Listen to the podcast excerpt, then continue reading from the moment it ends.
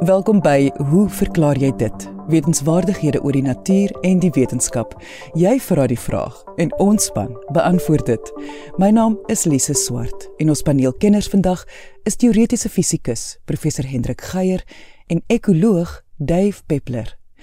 As jy 'n vraag het, stuur jou e-pos na lise@rsg.co.za. Onthou, dit is L I S E by rsg.co.za. Ons eerste vraag van die dag kom van Korin Spruit van Klebega en word beantwoord deur teoretiese fisikus professor Hendrik Geier. Korin skryf: Ek het in my huis 'n ingeboude braai. Binne in die braai is 'n lig met 'n gewone gloeilamp in. Ek is 'n kranegebraaier. Vandat ek die huis gekoop het, moes ek vir die eerste keer eers na 9 jaar die gloeilamp vervang omdat hy geblaas het. Dit was 'n gewone gloeilamp voor die tyd van energiebesparingslampe. My vraag vir die paneel is: in aggenome die feit dat daar 'n baie warm vuur brand vir 'n redelike lang tyd op 'n slag, hoekom smelt of bars of kraak die gloeilamp nie? Op die ergste word hy net vuil van die vet van die vleis. En tweedens, hoekom het hy so lank gehou? Ek kan nie onthou dat ek al ooit ervaar het dat 'n gewone gloeilamp in gewone gebruik so lank gehou het nie. Professor Geier.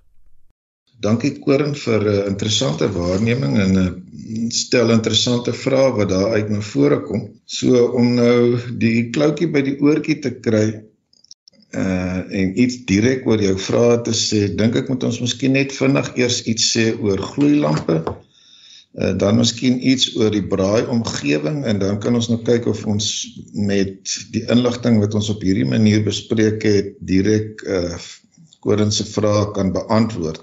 Die kom ons noem dit nou maar ouderwetse gloeilamp wat nou toenemend uh vervang word deur die nuwer generasie um, fluoriserende gloeilampies en en en natuurlik ook die liggewende diodes Uh die ou tydse gloeilampe het 'n interessante geskiedenis. Uh die naam van Thomas Alva Edison is natuurlik ten nouste met die ontwikkeling daarvan gekoppel, maar hy was nie die eerste persoon wat nou met die met die konsep van 'n gloeilamp gewerk het nie. Dit was 'n Engelsman met naam van Humphrey Davy wat al hier in die vroeë 1800s uh met die sogenaamde koolstofbooglamp begin eksperimenteer het as 'n as 'n bron van lig. Uh, maar Edison het natuurlik met 'n reeks eksperimente nou ons baie naby aan die huidige formaat van 'n oudtydse gloeilampie gebring. Met die tyd natuurlik 'n paar verfynings ingetree maar waarmee jy sit is 'n 'n glasomhulsel en binne in hierdie glasomhulsel is daar 'n gloeidraadjie waardeur jy uh, elektriese stroom laat gaan. Dit is deesdae tipies van wolfram en Engels tungsten gemaak Die glasomhulsel is verseël en dit is of 'n vakuum of miskien meer uh, meer tradisioneel deesdae gevul met een of ander uh sogenaamde inerte gas iets soos argon wat nie reageer met die met byvoorbeeld die brandende uh, gloeilampe nie. Ek sê nie reageer nie want wat 'n mens moet weet is dat soos wat so 'n gloeilampie se gloeidraadjie brand, verdamp daar eintlik van die wolfram oor 'n lang tydperiode uh en dit word tipies aan die binnekant van die glas gloeilampie gedeponeer maak hom met die tyd minder deursigtig so die uh, daai proses word so bietjie teëgewerk deur 'n inerte gas daar binne in te hê en met die tyd uh is daar verdere ontwikkeling gewees waar die inerte gas inderdaad 'n halogeen was, iets soos brom of jodium want die chemie van daai proses, naamlik as die gloeidraadjie binne in die omgewing brand, het dit in 'n chemiese proses of bring dit 'n chemiese proses mee wat eintlik weer die die verdampende wolfram terugdeponeer op die op die gloeidraadjie. So daar was allerlei verfynings, uh, maar kom ons gebruik net so 'n paar riglyn syfers om om 'n gevoel te kry vir wat beskrywende syfers vir so 'n gloeilamp is. Die gloeidraadjie self se temperatuur en dit hang natuurlik af van of jy nou met 'n 60 of 'n 100 watt gloeilamp of wat ook al werk, maar as 'n riglyn kan 'n mens sê daai gloeidraadjie word omtrent so enige iets van 1700 tot 3000 grade Celsius Nou natuurlik is dit nie die die die temperatuur wat wat die omhullende glas uh, uiteindelik aanneem. Onthou mens moet 'n onderskeid maak tussen temperatuur en warmte en dit hang af die warmte daar uiteindelik aan die glas oorgedra word wat nou uit op sy beurt weer die temperatuur daarvan sal bepaal maar hier praat 'n mens tipies uh van die orde van omtrent uh 200 tot 240 grade Celsius. So dit is hoe warm die glas word. Net interessantheidshalwe kan kan mens daarna verwys dat die die die aandrang om om om hierdie tradisionele gloeilampe uit te faseer het baie daarmee te maak dat hulle besonder uh oneffektief is. Omtrent 95% van die energie wat in so 'n gloeidraadjie ingaan word as warmte uitgestraal, net 5% as lig. En ek het gelees dat byvoorbeeld kommissies van die Europese Unie wat riglyne en wetgewing in plek gestel het wat nou hierdie vloeilampe uitfaseer in die, in die, in die Europese Unie het bereken dat dit omtrent 5 tot 10000 miljoen euro tot die ekonomie sou toevoeg as hierdie omskakeling na uh nuwer generasie fluoriserende gloeilampe volledig plaasvind. Dit is nou te maak met besparing aan energie en en 'n hele paar ander oorwegings. Uh en verder sou dit ook meebring dat van die orde van 15 maal 10 tot die mag 9 15000 miljoen metrieke ton CO2 minder uh, in die atmosfeer vrygelaat sou word. So met daai soort syfers in gedagte is dit natuurlik nie te verbasend dat die aandrang daarop is dat hierdie goed uitgefaseer word. Dis nou die tradisionele gloeilampe nie.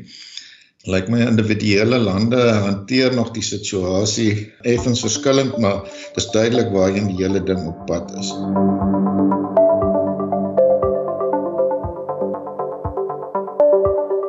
Goed, op sommender wys kan ons kan ons dus sê dat wanneer so tradisionele gloeilampie en dit lyk my dit is nou wat wat wat koring daar in sy uh braaikaggel het, uh is iets waarvan die glastemperatuur wanneer die ding goed brand van die orde van 200 250 grade Celsius is. Ek sê weer al die syfers wat ek hier in die program noem is maar sulke riglyn syfers wat van 'n hele klomp dinge afhang, maar dit gee mense 'n goeie gevoel. Nou verder moet 'n mens nou vra wat wat is die verwagting? Want Koring is nou verbaas dat hierdie gloeilampie van hom 'n goeie 9 jaar gehou het. Wat is die tipiese lewensverwagting van hierdie uh, ouer generasie gloeilampe? Nou die die konstruksie van daardie gloeilampe is tipiese kompromis tussen effektiwiteit met ander woorde meer lig en leef leeftyd. So natuurlik as jy as jy minder lig gee, uh, dan is daar minder verdamping van die van die gloeidraadjie dan hou hy langer so daai kompromis uh, is gekies om tipies 'n leeftyd van tussen omtrent 1000 en 2000 uur vir so 'n gloeilampie te hê. Nou weer eens dit is natuurlik nie iets wat jy onnoodwendig op 'n enkele gloeilampie van toepassing kan maak nie, maar dit is 'n soort van die gemiddelde verwagting. En Koring sê hy's nou 'n 'n ywerige braaier, maar sê nou maar hy het uh een keer 'n naweek vir 2 uur lank nou die lampie daar aangehad, dan beteken dit hy 2 maal 50 weke omtrent 100 uur per jaar gebrand en as jy nou sê die ding het 'n lewensduur van ten minste 1000 uur, dan is dit nie ongewoon dat so 'n lampie 10 jaar kan hou nie. Die vraag is natuurlik of hy nou kan hou onder die omstandighede soos wat Koren nou beskryf het. So, eerstens net die tipiese lewensverwagting van van sulke ouderwetse gloeilampies van die orde van 1000 tot 2000 brandure.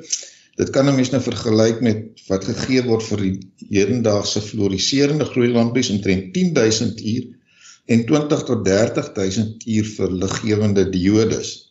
Ek moet sê my eie ervaring met met die nuwer fluoriserende gloeilampe aanvanklik was nie heeltemal so positief soos wat hier net jou rou syfers aangegee word nie. Dit was my gevoel dat die goed eintlik 'n baie korter lewensduur gehad het veral aan die begin, maar dit mag met met spesifieke konstruksie te maak gehad het. Ek weet nie, ek het nie statistiek gehou nie, maar deesdae lyk dit vir my is die aanspraak dat hulle veronderstel is om 'n goeie 10000 uur te kan brand nie uh, onvanpas nie.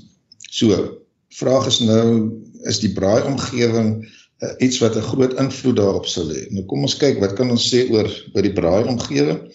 Nou as ons nou aanneem koring braai met brikette of houtskool, maak ook nie saak as hy hout brand nie. Die tipiese temperatuur reg bo kan die bo kan die kolle as jy nou van 'n enkele laagie kolle praat is so 230 250 grade Celsius. Koring sê nou ongelukkig nie vir ons hoe, hoe hoog op in sy in sy skoorsteen hierdie gloeilampie sit nie, maar dit is ook nie vreeslik belangrik nie. Uh, wat 'n mens nou kan probeer vasstel is wat is die hoe verander die temperatuur bokant so 'n laag kole uh, as 'n as 'n funksie van die afstand bokant die kole. Nou ek was nogal verbaas om agter te kom dat 'n mens nie te veel direkte inligting hieroor in die hande kan kry nie. Ek het 'n uh, afgekom op 'n baie ou studie wat bokant 'n teerpad hier in die 1930s deur 'n Indiese groep gedoen is en hulle het vasgestel dat so vir die eerste sentimeter of so bokant die teerpad op 'n warm dag verander die temperatuur met 'n goeie 20 tot 30 grade per sentimeter en dan hoër op baie stadiger. So dit is asof daar so 'n 'n afskerm laagie uh, in die lug vorm as mense dit so kon stel. Uh, maar maar vir temperature wat tipies met braaikole geassosieer is, kon ek nie direkte inligting kry anders as dat die kole self omtrent van die orde, kom ons sê maar 250 grade Celsius is nie. Nou as dit so is, sou mense nou kon probeer redeneer. Nou warmte is 'n vorm van straling. Ons weet dat van 'n puntbron af as jy straling het, dan neem die intensiteit af met die kwadraat van die afstand van die bron. So as 'n mens nou sou dink dat die kolle 'n puntbron is, sou jy kon sê, wel, kom ons kyk wat gebeur as ek nou die temperatuur by 2 cm met die temperatuur by 10 cm vergelyk, soos jy aan 2 cm bo kan die kolle hou, praat jy nou hier van omtrent so 250 grade Celsius. 5 keer verder as hierdie omgekeerde kwadraatweek geld, moet dit omtrent 25 keer kouer wees, oftewel omtrent so 96% kouer en enige iemand wat al gevoel het of sy kolle nou reg is verbraai, sal weet dis nie die geval nie. So is interessant om te vra hoekom en die antwoord is natuurlik dat die kolebed is nie 'n puntbron nie. So as jy nou 'n stukkie vleis bokant een koeltjie het, kry hy sy warmte nie net van die koeltjie reg onder hom nie, maar ook van die omliggendes en verder weg. Natuurlik minder van die verder weg, maar nietemin hulle dra by. So die die temperatuur uh, bokant die kolebed uh, is nie iets wat met die omgekeerde kwadraatwet afneem nie. Dit gebeur baie stadiger, maar nietemin dit kan nie warmer daarbo wees as by die kole self nie. So as 'n mens nou met die koole temperatuur van omtrent 250 grade Celsius werk, sê dit vir jou dat die gloeilampie word blootgestel aan temperature waaraan hy min of meer gewoond is as ons dit so kan stel. Dit sê 'n gloeilampie wat brand met daardie uh, gloeidraadjie wat hier by die tussen 1700 en 3000 grade Celsius is, maak die glas in elk geval warm tot omtrent so 200 250 grade Celsius. So dit lyk vir my 'n mens kan aflei koring dat die dat die feit dat hierdie gloeilampie van jou nou daar bo aan die kolle hang nie 'n vreeslike invloed op sy leeftyd behoort te hê nie en dit lyk my dit is wat jy nou uiteindelik agtergekom het. So my analise van wat ons hier het is dat dit is interessant dat jy dit waargeneem het en natuurlik die vrae gevra het, maar ek dink jou die resultate waarmee jy werk is waarskynlik nie so uitsonderlik uh, as 'n mens nou al hierdie riglynsyfers kyk wat ons pas bespreek het. En dit was teoretiese fisikus professor Hendrik Geier. Onthou as jy 'n vraag het, stuur jou e-pos na lise, dit is L I S E by rsg.co.za of sommer direk deur RSG se webwerf, gaan net na www.rsg.co.za. Onthou jy mag onder 'n skuilnaam skryf of vra om anoniem te bly.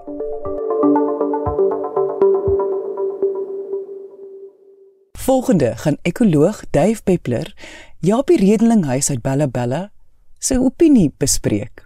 Japie het geskryf: Ek merk op dat Dave Peppler toenemend homself betrek by politiek en veral geopolitiek. Ek voel as ekoloog is dit nie sy plek om uitlatings te maak nie. Skoenmaker, hou jou by jou lees. Uh, Dave Peppler vir meer as 15 jaar bied ek 'n inleiding tot 'n meestersgraad in bewaringsekologie aan by die Universiteit van Stellenbosch. Ek het nou vir jaar opgehou daarmee. Maar my verpligte leesstof vir studente wat hierdie kursus wil bywoon voor hulle hier aanland is om vir ten minste 1 maand die linkse Engelse koerant The Guardian te lees. Jy kan jou die skokgolwe voorstel, Lise. Hoekom moet ons koerant lees? Die rede is dat George Monbiot, na my wete een van die grootste lewende omgewingsjoernaliste vir hulle skryf. George Monbiot het 'n verstommende manier om wêrelde bymekaar te bring, maar bovenal vergelykend bymekaar te bring. Nou ja, waaroor skryf hy? Hy skryf hoofsaaklik oor geopolitiek. Presies uh, waarmee Japie 'n probleem het. Nou wat is geopolitiek? Geopolitiek verduidelik hoe lande, besighede, selfs terroriste groepe hulle politieke doelstellings bereik deur geografiese beheer. Hoekom sê ek terroriste groepe want onlangs 2 jaar gelede het ISIS uit die Midde-Ooste die noorde van Mosambiek ingeval. Hoekom? Hoekom? Want daar's gas, daar's gas, daar's oorvloedige gas. Um met ander woorde, hoe hulle hulle politieke doelstellings bereik deur geografiese beheer. Nou ja, Lise, ek is 'n ekoloog en bemoei my met bewaringsbiologie wat bekend staan as 'n krisisdissipline. Dis 'n nuwe dissipline wat ontwikkel het oor die afgelope 25 jaar waar ekoloë en natuurbewaarders deur morele verpligting iets moet doen aan die omgewing alhoewel hulle onvolledige inligting het. Met ander woorde, ons mag verkeerd wees in wat ons probeer doen om skade te beperk. Ek haal hier um, 'n afstootlike man met die naam van van Oliver Cromwell aan, 'n groot figuur in die Engelse geskiedenis wat gesê het I beseech you in the bowels of Christ think it possible that you may be mistaken. Dis 'n baie belangrike stelling dat 'n mens skielik in die middel of aan die einde van 'n lewe kan kom en besef dat jy 'n leeftyd lank verkeerd gedink het oor iets. Ek sê nie ek is reg nie, maar ek stel eenvoudig my kant van die saak. Ons het hierdie morele verpligting om iets te doen met beperkte kennis. En in die Engel, in die in die breë ekologie staan dit bekend as best management practices. Ons moet iets doen om hierdie skade te stuit.